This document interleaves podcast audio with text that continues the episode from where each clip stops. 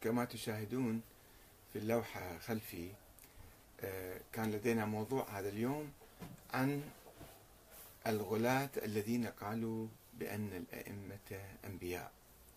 فكان لنا حديث آه، عنهم كيف ولماذا قالوا بهذه المقولة العجيبة التي تخالف كتاب الله الكريم تخالف صراحة القرآن الكريم الذي يقول اليوم أكملت لكم دينكم. وأتممت عليكم نعمتي ورضيت لكم الإسلام دينا أو محمد كذا. رسول الله وخاتم النبيين. فموضوع ختم النبوة حدث فيه التباس في القرن الثاني الهجري. في الكافي توجد روايات كثيرة أبواب كثيرة في الفقه في في الكافي حول هذا الموضوع. أنه في مقدمات لهذا القول. أن الأئمة حسب نظرية الإمامة التي انبثقت في القرن الثاني الهجري أن الأئمة هم حجج الله معينون من قبل الله وعلمهم من الله أيضا. وهذا العلم لا يخلص ولا ينفد إنما تنزل عليهم الملائكة في كل يوم وليلة في كل ليلة جمعة في ليلة القدر وطول السنة ملائكة ينزلون ويتحدثون معهم. آه هذا القول أدى إلى نظرية أخرى اسمها نظرية المحدث أن الإمام محدث أيضا وروت روايات إلى الباقر تنسب إلى محمد الباقر أنه قال أنا محدث من رسول ولا وما من رسول ولا نبي ولا محدث إضافة أضاف في هذه الآية كلمة محدث. طبعا هذه الآية كلمة محدث عند السنة أيضا موجودة.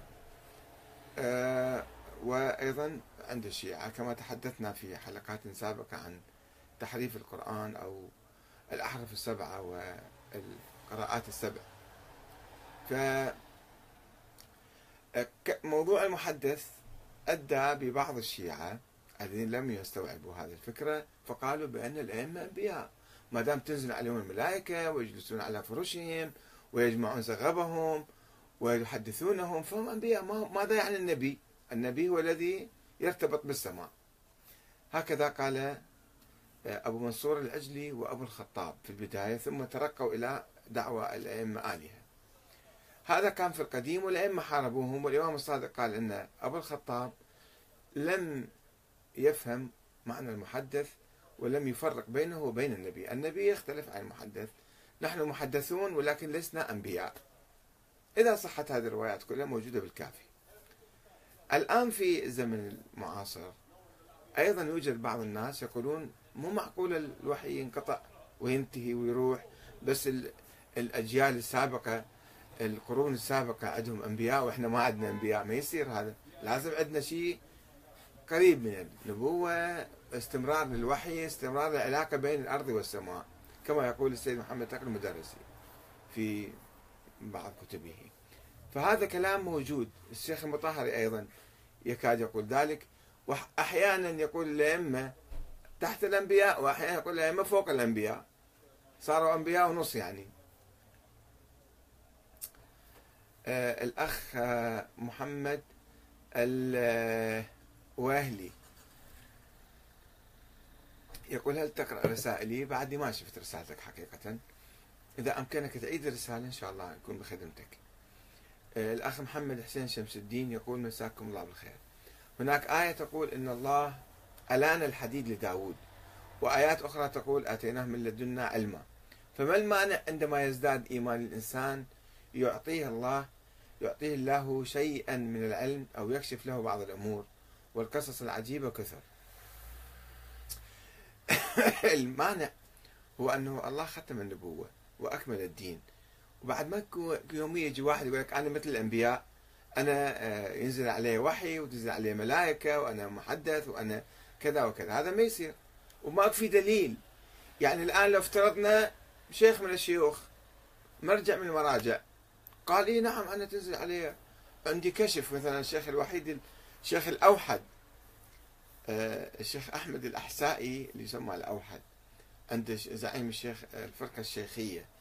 يقول أنا يحدث عندي كشف وأتصل بعالم الغيب وأشوف بعض الأشياء أو بالمنام أشوف الائمه وأسألهم ويجاوبوني ويوميا عنده قصيدة يقرأها. فيقعد الصبح يقول أنا سألت الإمام الفلاني وأجابني بكذا وكذا. هو ما كان مجتهد وما كان يؤمن بالاجتهاد. أخباري كان. فكيف يمكن نثبت هالشيء لأي أحد؟ للمراجع أو للشيوخ؟ أحمد الأحسائي ولا أي مرجع أو أي شيخ الآن يدعي هذا الادعاء. وكذلك الإمام الباكر والصادق الإمام الباكر والصادق أول شيء ما في إثبات على إمامتهم. حتى نقول ذولا صاروا محدثين أو صاروا آه، نصف أنبياء أو ثلاثة أرباع أنبياء. لا يوجد أي نص ولا أي وصية ولا أي دليل على إمامة الباكر هو عالم وصادق أيضا عالم. واليوم تحدثنا في هذه المحاضرة أيضا وهي مسجلة مكتوبة أيضا عندكم. آه، عن ابن أبي يعفور. تحاور وهو أحد تلاميذ الإمام الصادق. تحاور مع المعلى بن خنيس. المعلى بن خنيس كان من أتباع الفرقة الخطابية وكان على درجات هم. فكان ذاك يقول الأوصياء أنبياء. الأئمة أنبياء. هذا معلى بن خنيس. عبد الله بن أبي يعفور قال لا. الأئمة أو الأوصياء علماء أبرار أتقياء فقط. يعني شوفوا المستوى يعني نظرة آه، هذا التلميذ الإمام الصادق وهو من أقرب تلاميذ الإمام الصادق. كان يقول لا الأئمة لا أنبياء ولا نصف أنبياء ولا ثلاثة أرباع أنبياء طبعا ولا آلهة استغفر الله كان يقول لا علماء أبرار. فإذا عالم معين مرجع الآن قال أنا ينزلون عليه الملائكة. هل نقبل هذا منهم؟ معقولة الإمام الباقر يقول ذلك؟ معقولة الإمام الصادق يقول ذلك؟ مستحيل. لذلك نحن نرفض كل هذه الروايات ونقول هذه روايات مدسوسة ومختلقة وموضوعة ومكذوبة على الأئمة. الأئمة لم يكونوا يدعون أكثر من أنهم رواة أحاديث عن النبي وطريقهم ربما أصح من الطرق الأخرى. فقط لا أكثر من هذا ولا أقل. فالمشكلة في الغلو يبدأ بدرجات.